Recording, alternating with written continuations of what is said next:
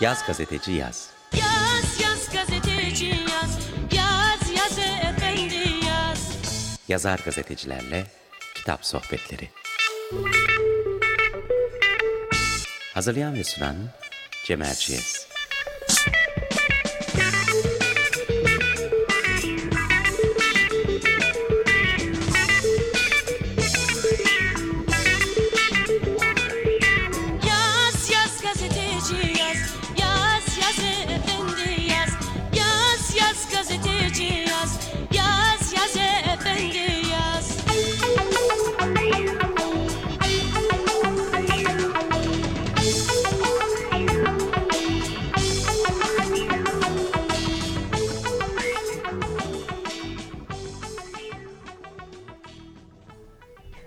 Evet merhabalar Yaz Gazeteci Yaz'da. Ben Cem Erciyes. Bugün konuğum Kansu Şarman. Kansu Şarman hoş geldin. Hoş bulduk. Kansu Şarman kimdir? Kansu Şarman pek çok konuğumuz gibi tecrübeli bir gazeteci. Hürriyet gazetesinde, ATV ve NTV'de muhabir ve editör olarak çalıştı. Bir dönem Popüler Tarih dergisinin editörlüğünü yaptı. 2010 yılından bu yana Atlas Tarih dergisinin yayın yönetmenliğini sürdürüyor. Ayrıca 2017 Ocak'tan bu yana da Atlas dergisinin yayın yönetmenliğini Tarih dergisiyle birlikte üstlenmiş durumda. Kansu Şarman 2000'ler boyunca düzenli olarak pek çok güzel kitap yaptı. Türk Prometeler, Adamlı Torpidolar, Hobart Paşa'nın Anıları, Gelibolu'dan Kafkaslara, Birinci Dünya Savaşı Anılarım, İ Hakkı Sunat'a, Büyük Günlerin Adamı Fethi Okyar'ın hayatından kareler ise Kansu Şarman'ın en yeni kitabı. Şu e, detayı da vermek isterim. Kendisini Açık Radyo dinleyicileri Balonla 25 hafta programından tanıyacaklardır. İflah olmaz bir Jülven meraklısı ve Jülven takipçisi Kansu. evet. evet. Peki Kansu Şarman tekrar hoş geldin diyorum Teşekkür ve ederim. sohbetimizi e, en yeni görevinden başlatmak istiyorum. Atlas dergisinin yayın yönetmenliğini üstlendin. Tabii Atlas e, çok özel bir dergi, çok tanınan bir marka. Türk dergiciliğinde büyük bir e, marka. Önemli bir geri, şeyi var, geçmişi var. Hatta bu sene 25. yılını Evet. kutladınız Atlas dergisinin. Atlas dergisini yönetmek, e, o dergiyi yayınlamak nasıl bir şey bir gazeteci için, bir dergici için? Oradan başlayabiliriz sohbete. Ee, şöyle söyleyeyim. Anca içine girince e, Atlas'ın ne kadar farklı bir dergi olduğunu e, görme fırsatı ortaya çıktı. Çünkü 2010'dan beri Atlas'ın Atlas markası altında yayın yapan onun bir e, yavru dergisi gibi e, diyebileceğimiz Atlas Tarih Dergisi ki iki ayda bir e, çıkıyor. Onun yayın yönetmenliğini yapıyordum. Orada biz küçük bir kadroyuz. E, Atlas hemen yanı başımızda çıkan bir dergiydi. Hmm, Kalabalık bir kadrosu vardı. Yani kalabalık derken de hani Bir ekibi var bir yani ekibi sen, vardı. senin e, tarih dergisiyle karşılaştırınca Karşılaştırdığında, kalabalık evet, evet. geliyordu o zaman gözüne Evet, tabii. Gözüne. Şimdi o kadro daha dar. Ee, 25 yılını bu sene doldurdu. Ee, nasıl bir dergi? Bir defa kendi gelenekleri ve alışkanlıkları olan bir dergi. Ee, 25 yıl boyunca bu ülkede e, coğrafya, gezi, e, doğa, e, ekstrem sporlar gibi Evet. hani ekstrem sporlar derken dağcılık, e, Gibi yürüyüş alanlarda. sporları gibi doğayla iç içe olan e, çeşitli etkinliklerin de e, yayın odağı olmuş. Bunun için e, ciddi mesai sarf etmiş bir dergi. Aynı zamanda yurt içi ve yurt dışından e, bilinen bilinmeyen az gidilen pek çok coğrafyayı tanıtma e, görevini üstlenmiş bir dergi. E, o yüzden çok özeldi. E, geçen yıl e, ekiplerin birleştirilmesi e, döneminde bu görevi ben devraldım. E, ve baktım ki Atlas e, Türkiye'deki köylerde bile tanınıyor. Yani çünkü bu 25 yıl Türkiye'de dergicilik için hiç de az bir süre Değil. değil. Çeyrek asır işte. Ee, yani bunun dünyadaki en önemli örneği ülkemizde de çıkan National Geographic'tir. Evet. Ama biliyorsunuz National Geographic 19. yüzyılın sonunda National Geographic Society'ye Evet. E, Onun tarafından desteklenen, de- onların yayını, onların olduğu- yayını olmanın bir biliyoruz. avantajı da var tabii. Evet ama e, o da o da 2000'li yıllardan beri çok başarılı bir şekilde ülkemizde yayıncılık yapıyor. E, keza e, bizim ekibin bir parçası bizden ayrılan arkadaşlarımızın e, yayımladığı Magma dergisi de e, aynı alanda şu Hı hı. anda yayıncılık yapıyor. Ama Atlas e, Türkiye'de e, 25 yıl önce e, coğrafya ve keşif dergisi Evet. olarak e, bu işi e, başlatmış dergi Mehmet Yeşin bu işi Başlatmış. başlatmış. Ben de onu soracaktım. Yani bir coğrafya ve keşif dergisi. Yani bugünkü anlamda bir gezi ve seyahat dergisi olma yanı da var aslında. Tur- e, Turistik e, seyahatlerden ziyade farklı rotalar öneriyor ama yani bu bir avantaj değil mi? Türkiye toplumu tüm dünyadaki pek çok topluluk gibi daha fazla seyahat eder, daha fazla gezer, daha fazla farklı coğrafyalara meraklı bir hal aldı. E, bu Atlas için bir avantaj. Evet. Ama belki de bir dezavantaj da fotoğraf meselesi olabilir. Evet. Sen de yayından önce biraz konuştuğumuz için senin Evet. e, senden aldığım e, tiyolarla soruyorum bunu. Atlas dergisi demek her şeyden önce biz de 25 yıldır okuyucusuyuz. İyi fotoğraf. İyi fotoğraf demek. Çok iyi fotoğrafçıların çalıştığı, çok iyi basılan fotoğraflar var. Ama bu da bugünlerde yeterli olmuyor galiba. Neden? Şöyle aslında hala iyi fotoğraf çok önemli. Evet. Hatta birincil önemde. Çok iyi fotoğrafçılarımız var. Turgut Tarhan, Ali Ethem Keskin, Barış Koca, Gökhan Tan, Tol- Tolga İldun, Şahanlıoğlu. Harıl harıl Ee, dünyaya biz- gizli fotoğraf e, Hem de çekiyorlar. Evet. Türkiye'yle Yıldırım e, keza öyle. E, çok iyi fotoğraflar çekiyorlar. Fakat şu sosyal medyanın ve e, özellikle sosyal medyada fotoğraf yayıncılığının Instagram diye bildiğimiz e, yayıncılığının ortaya çıkmasıyla ve cep telefonlarındaki e, fotoğraf e, ne diyelim Makinasını mı diyelim? fotoğraf makinesinin Fotoğraf çekme, çekme ve fotoğraf özelliğinin yayınlama kapasitesinin ekran- artmasıyla birlikte Evet, herkes kalitesi. tabii ki fotoğrafçı. E, çünkü çektiğiniz fotoğrafı aynı zamanda artık sizi takip edenlere yayınlama fırsatı buluyorsunuz. Evet. E, ve e, dünyanın her tarafına yayıla, yayılan ve e, bir şekilde turistik olarak e, ne bileyim Peru'da Machu Picchu'da e, yılın her dönemi Türk turist görmek mümkündür herhalde artık ve onlar e, Instagram'dan çeşitli sosyal medya kaynaklarından çektikleri fotoğrafları yayınlıyor. Paylaşıyorlar. E, bu şu demek hem bu alanda ciddi bir e, ilgi artışı demek hem de artık dergi olarak sizin daha farklı, daha enteresan, e, daha dikkat çekici, e, sıradan olmayan e, dosyalar hazırlamanız gerekliliği. Çünkü zaten e, iyi fotoğraf evet çok önemli ama artık iyi fotoğraf kadar iyi hikaye de çok önemli.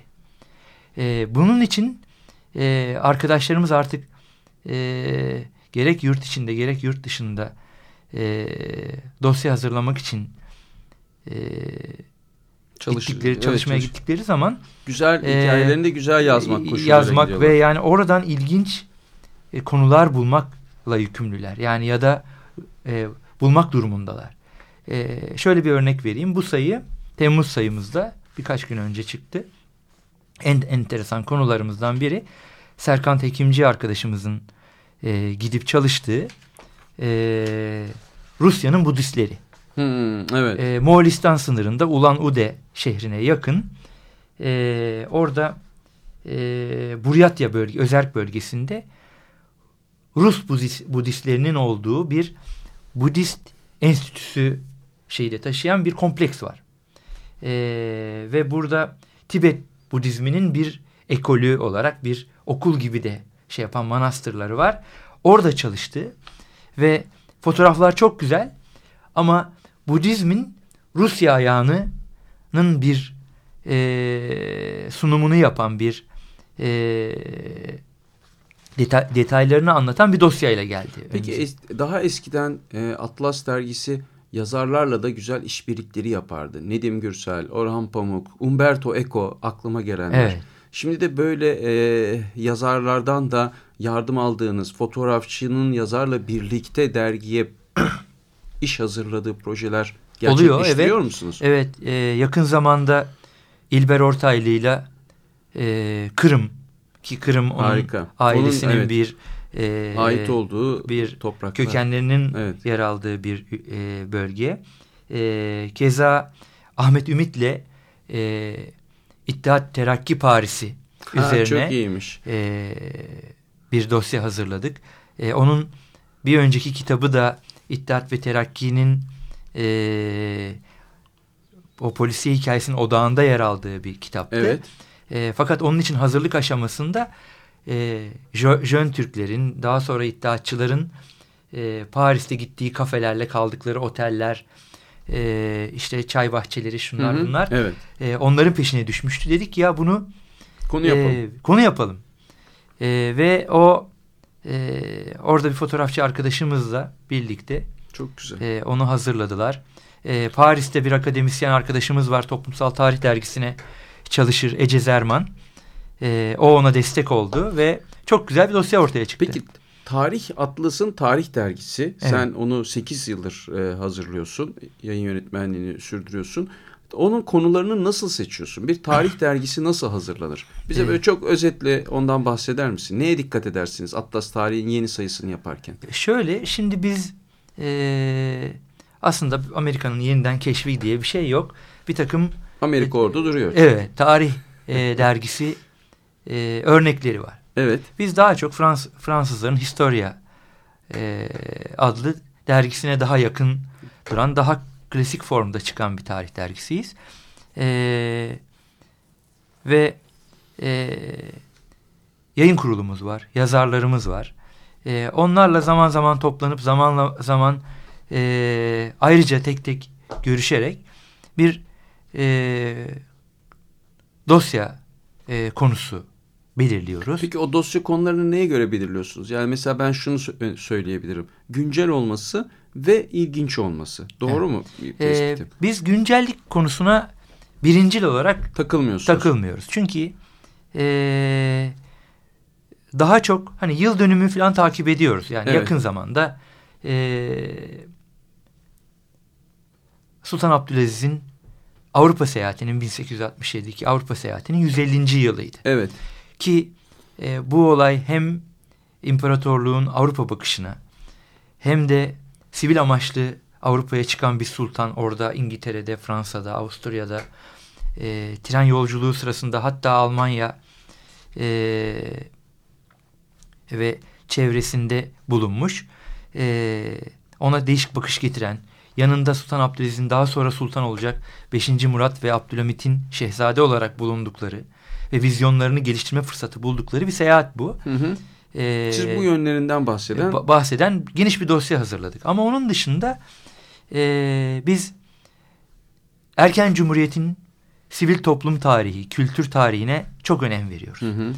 Keza Osmanlı döneminin e, güncel olaylarına, bir günün hikayesine, e, ya askeri ve e, siyasi tarihi de elbette işliyoruz ama e, insan yaşamına bir şekilde işaret eden e, konuları da işlemeye çalışıyoruz. En son sayımızın kapağında e, Osmanlı'nın sofrası var mesela. O e, Osmanlı ne yer ne içerdi. Ama sadece saray değil.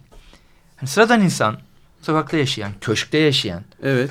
e, onlar da ne yerdi? Mutfak alışkanlıkları, e, keza e, yemeklerini, yemeklerini, gıdalarını, yemeklerini hazırladıkları gıda maddelerini, sebzelerini, etlerini nasıl tedarik saklarlardı? ederdiniz? Nereden tedarik Nasıl ederlerdi? saklarlardı? E, hani kar kuyularına kadar. E, yani hani o zaman Evet. buzdolabı yok. Uludağ'dan o zamanki adıyla Keşiş Dağı'ndan geliyor buz. Onlar nerede saklanırdı? Ona ona kadar bize e, Özge Samancı Heh, şimdi hocamız soracağım. ve Esas e, belki de soru bu. Bu, bu, bu. Bunları yazacak insanları bulmak. Yani bir tarih dergisinde özellikle Osmanlı mutfağı, ya Osmanlı'nın yeme içme alışkanlıklarından bahsediyorsan bunu çalışmış, bilen yahut kolayca o kaynaklara, görsellere ulaşabilecek. Yahut işte İttihat Terakki'nin e, daha spesifik bir şey, bu kadar genel olmaz. Merkez Komitesi'nden bahseden bir şey yayınlamak istiyorsan onu bilen. Yani sanırım tarih dergisi hazırlamanın güçlüğü burada. Bana öyle geliyor. Nasıl hallediyorsun bu işi? aslında burada birazcık e, kişisel bir avantajım var. O da e, zaten hobim sahaflara ve e, çöp mezatlarına gitmek. Çöp mezatı nedir? E, çöp mezatı dediğimiz şey işte e, hani o sokakta toplayan arkadaşlarımız, Kağıtçılar var. kağıtçılar kağıt var ya onların topladıkları ayrılır Evet. E, ve e, onlardan bazı değerli evrak da Çıkar e, ve- bizim ayakçı dediğimiz arkadaşlarımız onlar e, mezatlara getirirler. Tabii ailelerden gelen, kimi sahaflardan gelen belgeler, faturalar, e, kitaplar, eski yazı, evraklar, evrak-ı metruke dediğimiz artık Evet. sahibi olmayan pek çok belge oralarda satılır. Bir takım objeler de ve oraya alanında uzman ya da e, 20-30 yıldır meraklı insanlar gelir. Bunlar e, her biri başka alanda malzeme topluyor. Sahaflara keza öyle. Şimdi e, Yani çöp mezatına ya da sahafa gitmek sadece bir şeyler satın almak değildir. O, Orada orayla- insan tanıyorsun. Evet orayla ilgili insanları da tanıyorsunuz Onların ve not alıyorsunuz birikimini de. onları. O ve bir takım ahbaplıklar kuruluyor. O Evet. sizden bir şey öğreniyor. Siz ondan bir şey öğreniyorsunuz. Hiç duymadığınız şeyleri yani e, bu, bu ülkeye çay 1900 yaygın olarak 1930'lardan 40'lardan itibaren gelmiş. Ama 1950'lerden itibaren e, poşet çay etiketi toplayan insan var mesela. Hani öyle bir tane zaten kullanılmış etiketi farklı bir şey bulduğu zaman gözleri fal taşı gibi açılıyor. Ee, şimdi bu Osmanlı'nın sofrası konusunu hazırladığımız kişilerden biri Yemek ve Kültür Dergisi'nin sahibi ve aynı zamanda Çiğ Lokantası'nın da ustası olan Musa Dağdeviren. Onun aracılığıyla doçent doktor Özge Samancı ile tanışıyorsunuz. Çünkü o gastronomi tarihi üzerine çalışmış bir hoca. Ee, keza Sakarya Üniversitesi'nde Arif Bilgin, Ve böylece bu Başka insanlar da var. dosya o, oluşabiliyor. ortaya çıkıyor. Onlarla söyleşiyorsunuz. Diğer İttihat ve Terakki ile ilgili rahmetli Erol Şadi Erdinç Evet, vardı. O bir umma. Erol, evet Erol Bey'i de ben sahaflarda Tanımıştım. tanımıştım. Keza şimdi her cumartesi e, Sahaf Lütfü Seymen'in Müteferrika e, dergisini topladığı e, Nuri Akbayar'ın, Necdet Sakaoğlu'nun, e, Sabri Koz'un, Erol Üye Pazarcı'nın, Mustafa Duman gibi alanlarında uzman kitabiyatçıların toplandığı şeyler var. Oraya ben hani 49 yaşında olmama rağmen genç Hı hı. e, Kontenjanından, kontenjandan katılıyorum. Böyle Orada inanılmaz bir sohbet oluyor ve o insanlar bize zaman zaman yazı yazıyorlar. Erol Üye Pazarcı örneğin Türkiye'nin en önemli polisiye tarihi uzmanlarından biri. Sabri, Sabri Koz sen de çok iyi tanıyorsun. Tabii. Ee, halk kültürü konusunda bir e, çok önemli bir kişi. Mustafa Duman Türkiye'nin en önemli Nasrettin Hoca uzmanı. Onlardan yazı almak çok özel oluyor ve onlar her zaman her sayı tabii bize yazı vermiyorlar. Öyle bir Anladım. e, şeyimiz yok ama vaziyet Evet, böyle işte. Vaziyet böyle. Peki bir şey daha sorayım. Yani hem bu konuları seçerken yayınladığın tarih dergisinden yaklaşık 10 yıldır dergi yayınlıyorsun. Çok daha uzun zamandır tarih kitapları e, hazırlıyorsun. E, bu, bu, bunu sen bilirsin. Türkiye'de tarih denilince hangi konular daha fazla ilgi çekiyor? Türkler tarihin hangi alanlarına meraklıdırlar? Bu zaman içinde değişiyor. Yani ben bunu dergide de gözlemliyorum. Döne- dönemsel ilgi şeyleri var. de var. Hani böyle bir yani. yıldan hani böyle yıldan yıla değişmiyor. Ama Evet. böyle 5-6 yılda bir böyle bir e, şey oluyor. Uzun zaman Çanakkale çok insanların ilgisiydi. 100. yıldan itibaren Birinci Dünya Savaşı ilgisi daha Filistin ve Irak bölgesine kaydı. 2014'ten itibaren. 15'ten. 15'ten. Ha, Evet. Çanakkale'nin Evet. 100. yılından sonra Ee, hala Çanakkale ilgisi çok var. e, şey. Bunun e, farklı e, Birinci Dünya Savaşı. bakış açıları var diyelim. Ha farklı bakış açıları Evet, var. Evet, var. pardon. Ee, Evet. Çanakkale özelinde. Ee, ama bu ilgi e, çok özel e, uzmanlıklar doğurdu. E, Türkiye'de uzun yıllar yapılmamış alan araştırması mesela. Yurt dışından hep e, belgesellerde biliriz. Özür. Kitaplar gelir. Evet, Evet. kit- hayır. Ha, kitapların şeyler. dışında Adam Discovery Channel, alana. evet, evet. Discovery Channel'da işte e, History az da olsa History'de. History Channel'da işte oralarda çıkar. E, 1850'lerde Kırım Savaşı'nın kurşunlarını, metal plakalarını falan arayan insanlar olur. Onlar üzerinden oradaki işte e, hafif süvari alayının hücumunun izini sürerler. Yani bizde de bunlar artık e, yapıldı. E, bu konuda kitaplar çıktı. Şahin Aldoğan diye bir e, Çanakkale uzmanı var. Hani en ufak dere yatağından en küçük rakımlı tepeye kadar bütün şeyi e, Savaş savaşı savaş alanına oturtturabiliyor e, şeyde. Hatta askeri tarihçiler kendisinden destek alıyorlar. Ama şimdi e, mesela son dönemde şöyle bir ilgi var. Erken dönem Osmanlı ve geç Hah, Selçuklu. Onu soracaktım. Yani, Yani orta çağ e, ilgi duymuyor mu Türkiye? yo toplumu? duyuyor ama şöyle biraz Türk okuru kendisiyle rabıta kurulan alanlardan şey var. Dünya tarihi biraz daha ikincil kalır. Ya Osmanlı tabii bizim için çok önemli bir Evet. başlık ve Osmanlı başlığının altına giren her şey e, bizi kendine çekiyor anladığım kadarıyla Ama mesela mi? İstanbul'un fethi Evet. dediğiniz konu hiç bitmez. Yani yeni yeni konu bulmak o konuda çok zor. Evet. Çünkü gerçekten çok yayın yapılmış. Şey de denir Halil İnalcık'tan sonra 1950'lerden sonra çok da bir şey konuya eklenmedi vesaire denir mesela değil mi? İstanbul'un Ee, fethi için. Hayır aslında e, yine de çıkıyor. Evet. E, ama e, bu konuda özel bir şey var. Yani insanlar bildikleri de olsa Bir daha okumak bir istiyorum. daha okumak istiyorlar ya da o dergide yer alsın istiyorlar. Zaman zaman okuyucularla e, ya hani yeni bir şey şey yapınca elbette yer vereceğiz. E, konulu, başlıklı küçük Yazışmalar. e, yazışmalar, konuşmalar da olmuyor değil. E, ama e, şimdi e, Osmanlı'nın kuruluş dönemi, beylikler dönemi, e, konar göçer aşiretler, onların inanç ve gelenekleri üzerine yapılmış çalışmalar çok ilgi görüyor. Bizim de e, Profesör Haşim Şahin, keza Profesör Profesör Cemal Kafadar Amerika'dan Hı hı. buraya geldiği zaman sık sık röportaj yapma şansı buluyoruz. Bu konularda çalışan e, hocalarımızla söyleşiler yapıyoruz. Bize yazılar ya- yazıyor. Yeni sayımızda e, e, Tapduk Emre ve Battal Gazi üzerine Osmanlı'nın kuruluş dönemi. Evet. işte. Yani Yani- kuruluş dönemi, hemen kuruluşun öncesi, keza Selçuk, Anadolu Selçukluları bunlar son dönemin e, daha çok ilgi çeken konular. konular. Yani yine ben aynı şeyi söylüyormuş olma pahasına şöyle toparlamak istiyorum. Sanki Çanakkale Savaşı diyorsun. Ee, efendim işte Osmanlı'nın kuruluş dönemi, Selçuklular diyoruz. Ee, yani bütün bunlara baktığımız zaman hani sanki biraz daha böyle e, tarihte gurur duyulacak şeylerin peşinde insanlar. İstanbul'un fethi hani yeni bir şey olmasa bile her zaman okunur diyorsun. Yani biz böyle tarihte gurur duyacağımız, övüneceğimiz, e, kendimize övünç çıkarmaya çalışacağımız şeylerin peşindeymişiz gibi Evet. geliyor bana. Yani biraz. bu okuyucunun belli bir bölümünün bu konuda bir merakı var. Bu da çok doğal. E, ama biz dergi olarak e, hani daha güncel hayata dair şeyleri evet. e, öne Sen çıkarmaya onu da çalışıyoruz. E, Yani erken kapa- Cumhuriyet- kapak konunuz öyle bir şey Evet. zaten aslında bakacak e, olursa. ama biraz e, risk alarak şöyle biraz daha e, gündelik hayata de- dair e, konular bir- seçiyoruz. daha evet, sıradan e, insanlara dair bir konuyu kapak yapmışsın.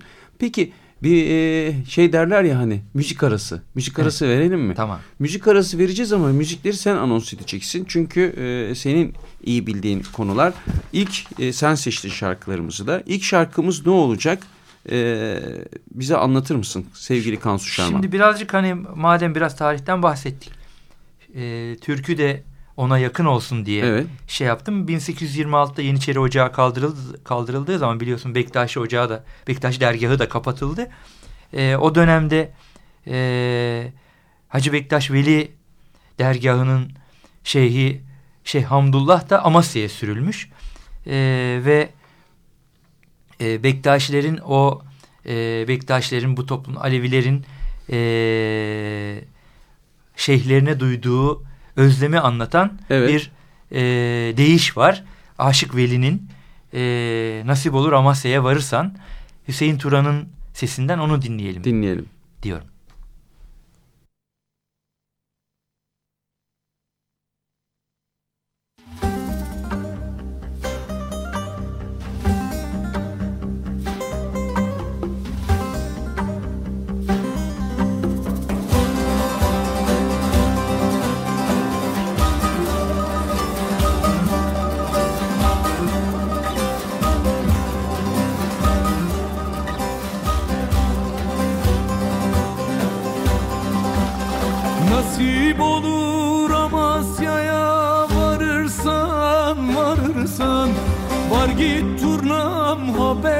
Getir birimden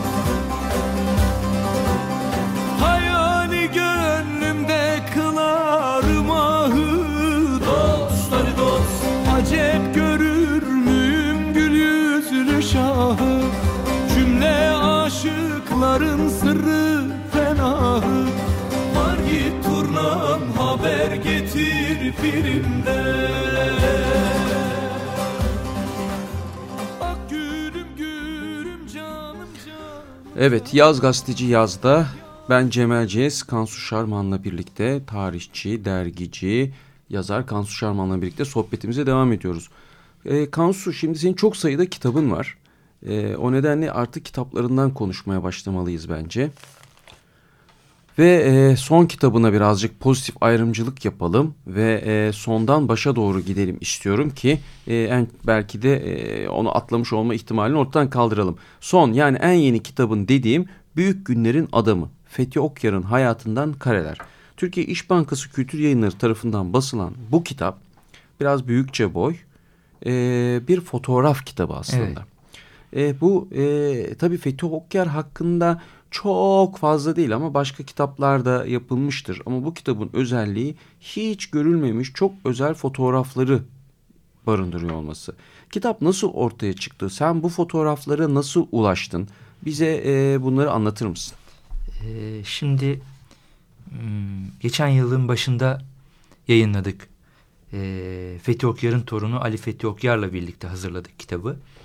Ee, ve e, Fethi Okyar aslında e, Mustafa Kemal Atatürk'ün e, Harb Harbiye'den itibaren arkadaşı, çok yakın arkadaşı olmuş bir kişiden Evet. bahsediyoruz. Sonraki e, hayatında da Fethi Okyar ve Mustafa Kemal'in hayatı e, sonraki dönemde de neredeyse hep birbirine paralel rotalarda gitmiş. Fethi Okyar e, amacımı aşmak istemem ama hani Mustafa Kemal'in yanındaki liberal ses Olmuş. evet. olmuş. E, Fethi Okyar çok gerçekten liberal, e, hayat görüşü esnek e, ve siyaseten de öyle. E, ve belki e, hem yaşam tarzı hem de dönem dönem yaptığı diplomatlık görevi nedeniyle de batıya çok açık birisi. Hı hı. E, İş Bankası Kültür Yayınları'ndan editörümüz Emre Yalçın Fethi Okyar, torun Ali Fethi Okyar'la beni buluşturduğu zaman e, elinde ciddi bir fotoğraf arşivi olduğunu e, fakat o, o fotoğrafların bir kısmının e, bilgilerinin bilgilerini bulmanın mümkün olmadığını e, birlikte bunu e, yapabilir miyiz diye Anladım. sormuştu. Çok epeyce zamanımızı aldı. Aslında hem beklediğimizden- fotoğrafları seçtiniz hem de o fotoğrafların ne anlattığını, ne Evet. zaman çekildiğini, Şöyle içinde bir- başka kimler olduğunu filan buldunuz Evet değil şöyle mi? bir rota belirledik.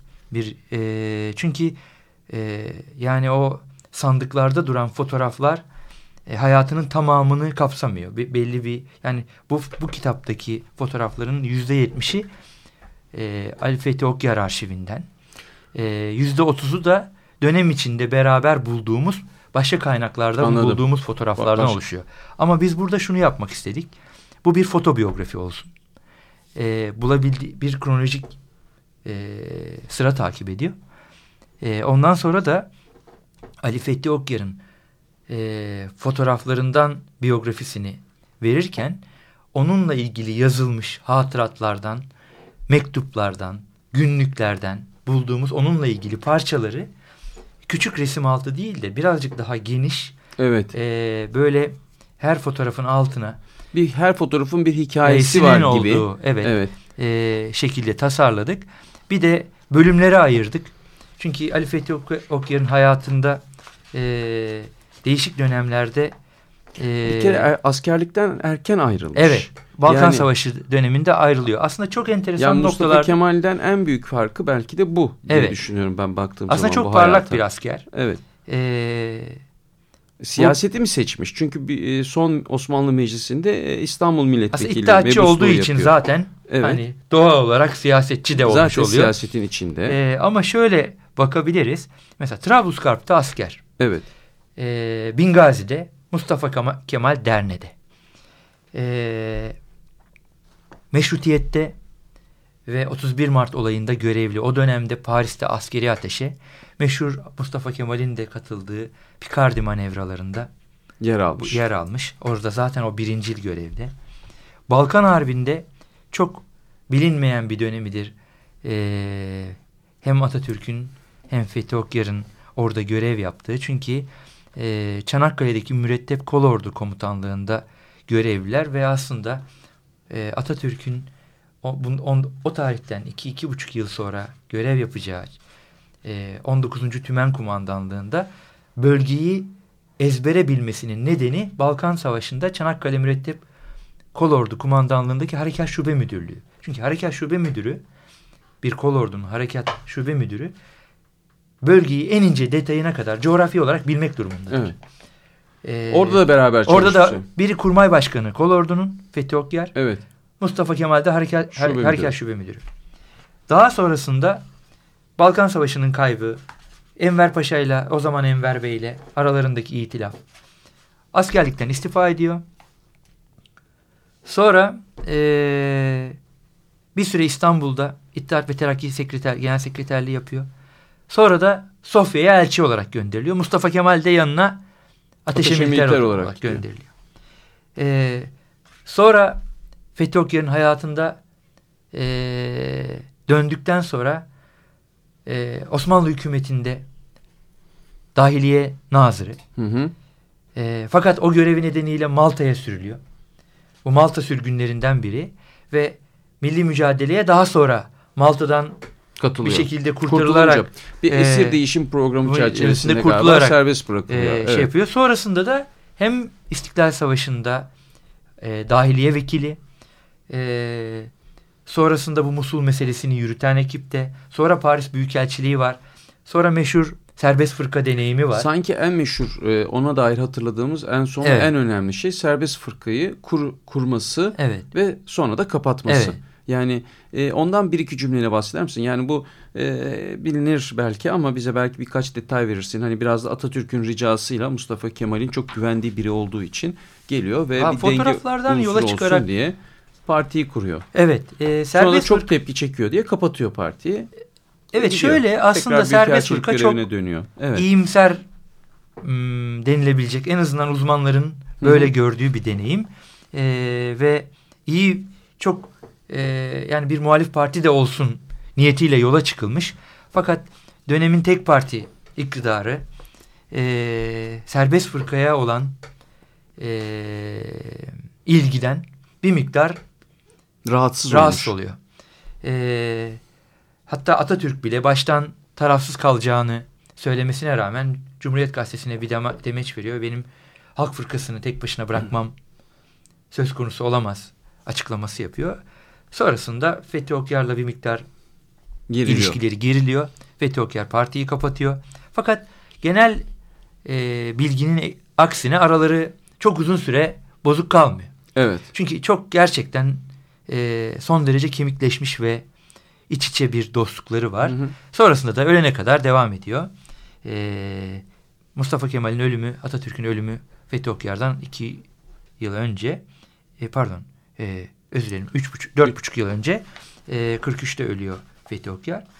E, fakat e, öyle bir şey ortaya çıktı ki fotoğraflardan biz bu hayat hikayesinin pek çoğunu gerek Fethi Okyar'ın arşivinden ve torun Ali Fethi Okyar'la birlikte gerek de dışarıdan bulduğumuz kaynaklarla sunma şeyi bulduk. Şimdi bizim bu kitabın iddiası e, tarihe yeni Hı hı.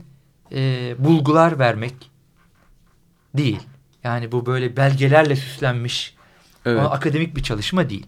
Ama e, Fethi Okyar gibi e, Osmanlı'nın son dönemine ve Cumhuriyet'in erken dönemine e, ciddi bir şekilde damgasını vurmuş bir siyasi kimliğin Hı hı. ve bir diplomatın Evet.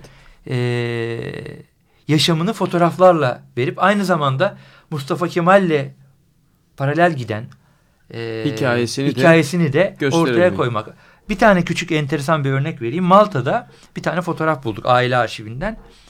E, Malta'da kaldıkları e, eski kışlada ki şövalyeler döneminden kalma bir Hı hı. bina ve onun avlusunda tenis oynuyorlar. Tenis oynayanlar da e, Sayit Halim Paşa, e, Osmanlı'nın son sadrazamları. Kuşçubaşı Eşref, İttihat İsmail Terakki. Can Polat İttihat Terakki'den. Şimdi e, İsmail Can Polat'la Fethi Bey tenis oynuyor. Sayit Halim Paşa da son sadrazam. Şey, e, e, Birinci Dünya Savaşı dönemindeki sadrazam. E, Hakemlik mi yapıyor? hakemlik yapıyor. Ondan sonra top içeri mi dışarı mı tartışması yapıyor. Sayit Halim Paşa top hariç diyor ve Fethi Bey'den yana şey yapıyor. İsmail Can Polat da diyor ki paşam biraz ayıp olmuyor mu? Neden böyle yapıyorsunuz? İşte top içeri düştü falan. diyor. İtiraz ediyor. Ondan sonra e, yaşlı sadrazam iniyor tribünden. Şöyle birkaç basamaklı tribün var.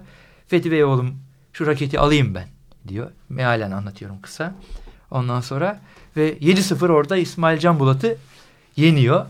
E, sonra da İsmail Can Bulat Kuşçubaşı Eşref maçı izleyen Kuşçubaşı Eşref'e diyor ki ya bizi bu aslanın ağzına sen attın diyor. Böyle hani e, tanıklıklardan, hatıralardan çıkan şeylerin fotoğraflarını bulmak e, Bu anlatılan mümkün oldu. anekdotun fotoğrafını siz Evet, arşivden o bulup te- eşleştirdiniz bu tenis kitapta. oynarken Fethi Okyar onlar var. E, böyle pek çok Peki. e, fotoğraf Ee, var. Bu tabii e, senin her kitabın aslında üstüne bizim bir program yapabileceğimiz kadar zengin malzeme veriyor bize. Ama çaresiz biz 6 kitabı e, tek programda konuşmamız lazım. Biraz diğerlerine de değinelim istiyorum. Bu Nefis Fethi Okyar kitabını almak üzere konuyu okurlara, şey dinleyicilere ve okurlara havale ediyorum. Hızlıca gidecek olursak benim senden okuduğum ilk kitap Adamlı Torpidolardı. Evet biliyorum. Bu- Radikal kitaba yazı yazmışsın. Tan- 2002'de. tanımayız etmeyiz birbirimizi. Çok tatlı kitaptı. Çünkü 2. Dünya Savaşı'nda cep denizaltıları diye bir şey varmış. Elif Şahsıvaroğlu adlı bir bahriyeli e, bunların saldırısına maruz kalmış. Anılarında anlatıyor. Kansu Şarman bunu bulmuş ve o anılardan bize Adamlı Torpidolar diye bir kitap yapmış. Mesela bir sonraki kitabın yine biraz böyle benim sevdiğim e, bahriye konularında bir kitaptır. E, Hobart Paşa'nın anıları. Hobart Paşa diye bir İngiliz e, askeri deniz deniz deniz nasıl diyelim subayı mı diyelim Evet. artık deniz subayı Osmanlı'ya danışman olarak gelir ve e, bayağı Osmanlı donanmasını yönetir uzunca bir süre. Ama Hobart Paşa tabii oraya gelinceye kadar bir macera perest yani müthiş bir takım hikayeleri var. Sonra Osmanlı'da yaptığı görevler, işler var. Osmanlı donanmasının o dönemine dair anlattıkları var ki e, kaç yıldır Kansu? 1800 1869'da geliyor buraya. 1886'da ölene kadar burada. Burada. Yani o döneme dair çok enteresan, nefis bir kitap bu. Ee, ama senin mesela göz bebeğin olduğunu bildiğim, göz bebeklerinden biri olduğunu bildiğim e, bir kitabın var ki sanıyorum bu senin ilk kitabın.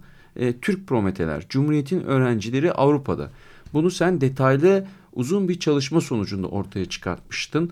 E, bugün de hala en sevilen kitaplarından bir tanesi. Bu Türk Prometelerden bir iki cümle bahsetmek üzere sözü sana vermek istiyorum. Tamam. Ee, Şimdi Adam Torpidolar'dan sonra İş Bankası Kültür Yayınları tabii e, Bütün ben bu kitapların yayını, yayıncısı ve ve senin yayıncın. evet, benim e, kitap hazırlamakla ilgili, yayına hazırladığım kitaplarla ilgili konular e, genel olarak e, tercihlerimle ilgili. Hani Evet. ben kendi Hobart Paşa'yı görüyorum işte köle gemisi avcılığı yapmış. E, Kuzey-Güney Amerika'nın Kuzey-Güney Savaşı'nda avluka yarıcılığı yapmış. Osmanlı'ya gelmeden önceki görevleri de böyle film gibi şeyler. Onun hatıratını e, Denizler Kitabevi'nin raflarında görmüştüm. Sonra Evet. bir kitabı aldım. Bu bu kitap ortaya Oradan çıktı. çıktı ortaya. Ondan sonra onun, onun için Osmanlı arşivinde işte e, Deniz Müzesi arşivinde falan çalışıyorsunuz. Bir, bir, bir, bir, bir buçuk sene içinde çıkıyor. Ya bu bir çeviriden ibaret olmuyor tabii Evet, yani. Onu evet. zenginleştiriyorsun çeşitli Evet. malzemeyle. Adamın orada ne kastettiğini buluyorsun, dipnotlar Evet. vesaire filan. Biz sıradan fanilerin anlayacağı şahane bir kitap haline geliyor bu Eyvallah. tarihi metin. Evet. E, fakat Türk Prometeler tabii çok bu, bu anlamda biraz farklı bir rotaya düştü. Aslında e, İş Bankası Kültür Yayınları bana dedi ki e, bu e, sanat tarihçimiz Kıymet Giray bu D grubu ressamlarıyla ilgili bir Hı hı. kitap hazırlıyor. Avrupa'ya gönderilen ve Paris'te çeşitli atölyelerde eğitim fırsatı bulan ressamlar bunlar. Daha öğrencilik yıllarında bu Cumhuriyet'in Avrupa'ya gönder, gönderdiği öğrencilerle ilgili bir rapor hazırlar mısın? Tabii ki hazırlarım dedim. Evet. Ama aslında bu kitabın bir Kıymet Hanım'ın kitabının bir ön çalışması gibi olacaktı.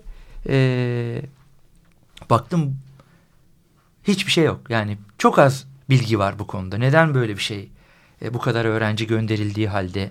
Çünkü matematikten sosyal bilimlere, fen bilimlerine, güzel sanatlara e, pek çok alanda öğrenci gönderilmiş erken cumhuriyette. E, 1946 yılında e, Milli Eğitim Bakanlığı arşivi yanınca Evet. bütün bu öğrencilerin talebe müfettişleri, rap, müfettişi raporları, diplomaları, şunlar bunlar Onlar hepsi da gitmiş. gitmiş. Öyle olunca öğrencilere giderek hani böyle bir e, tümden gelim gibi Hı hı. e, nesnelliği birazcık ortadan kaldıran ama daha öznel bir çalışma yapmak gerekti. E, önce 300 tane öğrenci ismi belirledim. Üf. Sonra o, o ismi 40'a düşürdüm. Evet. Alanlarında tekrar gidenler. Birazcık öncü olanlar. E, Bir daha baş- popüler ola- ola- Başarılı olanlar. olanlar Evet. vesaire. E, çoğu İşinde. başarılı da ama hani birazcık daha ismi öne çıkanları e, şey yaptım ve bir bir branşta iki ikiden fazla öğrenci olmasın istedim. E, ve kimi öğrencinin artık hayatta olmadığı için ailesine gittim. Hı hı. E, günlükleri vardı. Kimisinin mektupları vardı. Evet. E, 40 öğrenciden onu ben kitabı hazırladığım 2004 yılında 2005'te yayınlandı. Halen hayattaydı. E, şimdi ne yazık ki hiçbiri yaşamıyor. E, onlarla söyleşiler yapma fırsatı buldum. Onlar öğrencilik yıllarında nasıl e, Avrupa'da hangi duygularla öğren öğrencilik yaşamını geçirdiklerini, nelere önem verdiklerini, e, okul hayatı dışında neler yaptıklarını anlattılar. Anlattılar. Günlüklerden de bunlar çıktı. Bir de kitabın adı da bize sanki bir şey söylüyor. Yani onların Avrupa'ya hangi duygularla, hangi amaçlarla gönderildikleri. Onlar oradan bize e, ışığı evet. alıp getirecek Orada olanlar Prometheus değil mi? esprisi e, yani ateşi alıp Ateşi alıp getirecek. insanlara getiren Titan'ın e, esprisini kullanmak istedik. Çünkü e, bu insanlar da biraz öyle. Öyle Yani de çünkü- hissediyorlar mıymış kendini giderken? Ee, kesinlikle Promet- hissediyorlar. Prometheus gibi hissediyor muymuş her biri? Ee, e, ülkesine aydınlanmayı getirmek için gidiyor değil mi? Yani bir coşku şöyle var. söyleyeyim yani çok münferit örnekler var ki hani oradan kısa dönemde dönmek durumunda kalsın. Bir kısmı savaş nedeniyle dönmüş ama onlar da yine çok önemli isimler var. Hepsi bu bu sorumluluğu hisseden öğrenciler. Ee, kimler var aralarında? Ee, Afet İnan'dan başlayarak Ahmet Adnan Saygun var müzik adamımız. Remziye Hisar var ilk kadın kimyacımız. Ee, ve Madame Curie'nin öğrencisi olmuş bu Sorbonne'da. Ya, müthiş. Görüşme mesela imkanı oldu mu Remzi Hisar'la? Yok Remziye o Hisar'la. Remziye Hisar'ın aileden Evet. belgeleri almak fırsatı. Başka Ekrem kim? Akurgal Ekrem Akurul. e, keza öyle. Cahit Arkeolog. Sıtkı Tarancı biliriz. E, büyük ne şairimiz. okumaya gitmiş Cahit Sıtkı Tarancı? Cahit Sıtkı Tarancı e, sosyoloji. Sosyoloji Yanılmıyorsam şimdi yine yeniden bakarım. kontrol ederiz Ee, bir daire. Evet. Sabahattin Ali. Ee, ama Sabahattin Ali'ninki yarım kalmış. Hatta savaş başlayınca e, bisikletle e, belli bir yere kadar gidiyor. Oradan yola devam edemiyor. E, Cahit Arf matematikçi. İhsan Ketin jeolog. E, Besim Darkot e, coğrafyacı. E, felsefeci Macit Gökberk. Böyle çok önemli isimler var. Hem hem kendileri başarılı olmuş hem o okullarında kürsünün kurulmasına Evet, onu destek olmuş. Hem de o dönem e, Almanya'dan kaçarak buraya gelen e, Yahudi profesörlerin kürsü kurmalarında onların asistanlıklarını yapmışlar ve bu ülkede bir üniversite metodunun ortaya çıkmasında ciddi rolleri olmuş insanlar. Ee, Şahap Koca Topçu rahmetli Şişecam'ın kurucusu o bana işte Etibank'ın Sümerbank'ın gönderdiği yine devlet bursuyla ve talebe müfettişine milli eğitime tabi Hı hı. gönderilen öğrencileriyle tanıştırdı. Ee, onlar epeyce bir ee, Yani bu kitapta senin konu aldığın e, insanlar yani hem e, onlarla konuşurken Cumhuriyet dönemini, onun Cumhuriyet'in kuruluş e, Heyecanını. heyecanı ve fikrini anlatıyorsun. Evet. Hem e, o dönem Avrupa'daki e, hayata dair bilgi veriyorsun ama bir yandan da bu insanlar döndüklerinde burada neler yaptılar. Evet. Yani bir birer bir tür başarı hikayesi. Evet. Yani toplumsal ve bireysel başarıların e, buluştuğu bir kitap olmuş. E, Türk Prometeler. Evet yani şöyle e, bunu okuyunca şöyle bir hisse kapılıyorsun. Yani büyük zorluklarla okunmamış orada. Şunu şunu söylemek lazım. Devlet Cum- cum- gerçekten arkalarında durmuş Ha, aslanlar devlet gibi, gerçekten durmuş. Hem harcırahları hem bunun programlanması. Bunun yasası var. Evet. Ecnebi, memle ecnebi memleketlere talebe gönderilmesi hakkında kanun. Ee, daha 1920'lerin sonunda çıkarılmış. Ee, orada öğrencilerin dans kurslarına, yabancı dil kurslarına, spor faaliyetlerine gittir, gitmesi özendirilmiş. Sadece devlet şunu istiyor. Orada eğitiminizi tamamlayın. Bir taahhütnameniz var. Evet. Gelince burada bir kamu iktisat teşekkülü sizi gönderdiyse orada görev yaparak Katkıda Ya da bulunacaksınız toplumunuza. eğitimci olarak katkıda bulunacaksınız. Orada öğrendiklerini buraya, o ışığı buraya, o ateşi buraya taşıyacaksınız. Ee, bu e, planlı programlı yapılmış bir şey. Bunu Cumhuriyet mi buluyor? Hayır. Bu aslında Osmanlı'nın e, son döneminde yapılmış bir şey. 1890'lardan daha bile erken gönderilmiş e, öğrenciler var ama bu, bu o kadar planlı yapılmış bir şey değil. Bu Cumhuriyet döneminde bir plana programa tabi olarak şey Hı yapılıyor. hı. E, ve gerçekten çok değerli e, ve kurucu branşlarının kurucu e, akademisyenleri, bilim adamları e, ya da e, müzik insanları, sanat e, konservatuvar kurucuları hep e, bu, Bu, bu, şekilde yetişiyorlar. Peki e, bu, bu kitapların hepsi çok güzel. Sen e, dergiciliğe devam ediyorsun. Programımız bitmek üzere. O yüzden ben yavaştan kapanış cümlelerini yapıyorum. E, seninle konuşmak istediğim geride bir tek şey kaldı. O da e, bir iki dakika ancak e, konuya ona değinebiliriz. E, o da şu. Şimdi Türkiye'de dergicilik ne olur? Yani in- şeyin e, internetin, dijital medyanın karşısında gazetelerin mağlup olduğunu biliyoruz. Geçen gün yine çok önemli bir gazete, internet gazetesi olmak üzere kapandı. Evet. Ama dergiler e, aslanlar gibi demeyeyim fakat kendilerinden beklenenden çok daha iyi bir performansla ayakta kaldılar. Ee, onun için bunu neye borçluyuz ve daha e, ayaklarımızı yere sağlam basarak durabilecek miyiz? Biz bu dergilerimizi okumaya devam edebilecek miyiz diye bu güzel tarih sohbetini medya sorusuyla kapatmak istiyorum. Evet şimdi e, yani onun cevabını biz de çok tartışıyoruz elbette. Kendi aramızda da çok konuşuyoruz. E, aslında bu alanda dergicilik içinde çok zor günler geçiyor. Hızlı bir geri çekilme var. Çünkü sosyal medya bilgiye ulaşmanın e, hızla kolaylaşması Evet. E, bunun bunun etkenlerinden biri. Ama hala tematik dergiler e, özel konular işlemeye devam ettikçe Evet. ve insanların e, okuma alışkanlıklarını dijital ya da e, kağıt üzerinden olsun e, Sürdürecek. sürdüreceklerini düşünüyorum. Ben bu e, dergiler noktasında şimdi Tarih ve Coğrafya dergisi hazırlayan bir ekip ekiple çalışan birisi olarak söylüyorum.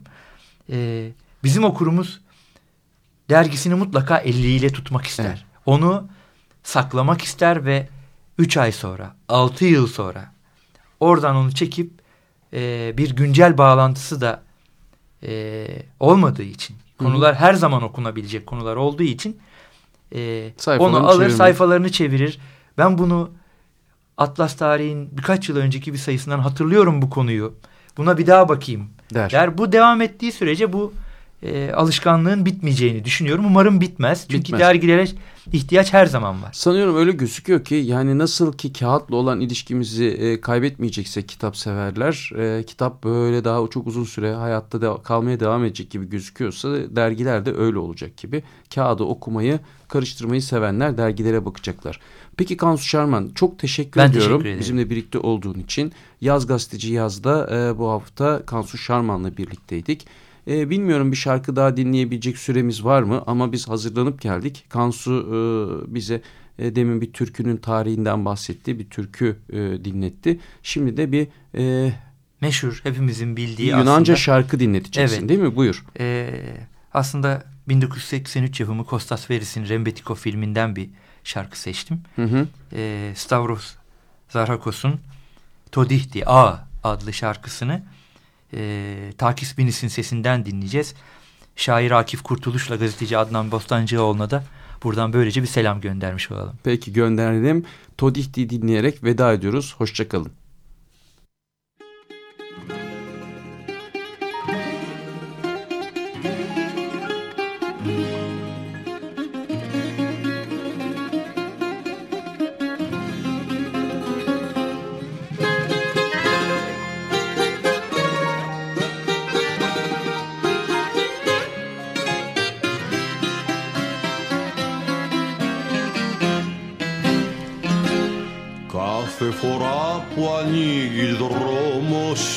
Ζωή. Μην περιμένεις να σε βρει το μεσονύχτη. Έχε τα μάτια σου ανοιχτά βράδυ πρωί. Γιατί μπροστά σου πάντα πλώνεται ένα δίχτυ. Έχε τα μάτια σου ανοιχτά βράδυ πρωί γιατί μπροστά σου πάντα πλώνεται ένα δίχτυ. Αν κάποτε στα βρόχια του πιαστείς Κανείς δεν θα μπορέσει να σε βγάλει. Μονάχος βρες την άκρη της κλωστής. Κι αν είσαι τυχερός ξεκίνα πάλι. Αν κάποτε στα βρόχια του πιαστείς Κανείς δεν θα μπορέσει να σε βγάλει. Μονάχος βρες την άκρη της κλωστής. Κι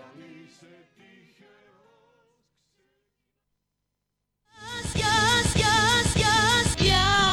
yaz gazeteci yaz. Yaz yaz gazeteci yaz Yaz yaz efendi yaz Yazar gazetecilerle kitap sohbetleri. Hazırlayan ve sunan Cemal Çiğez.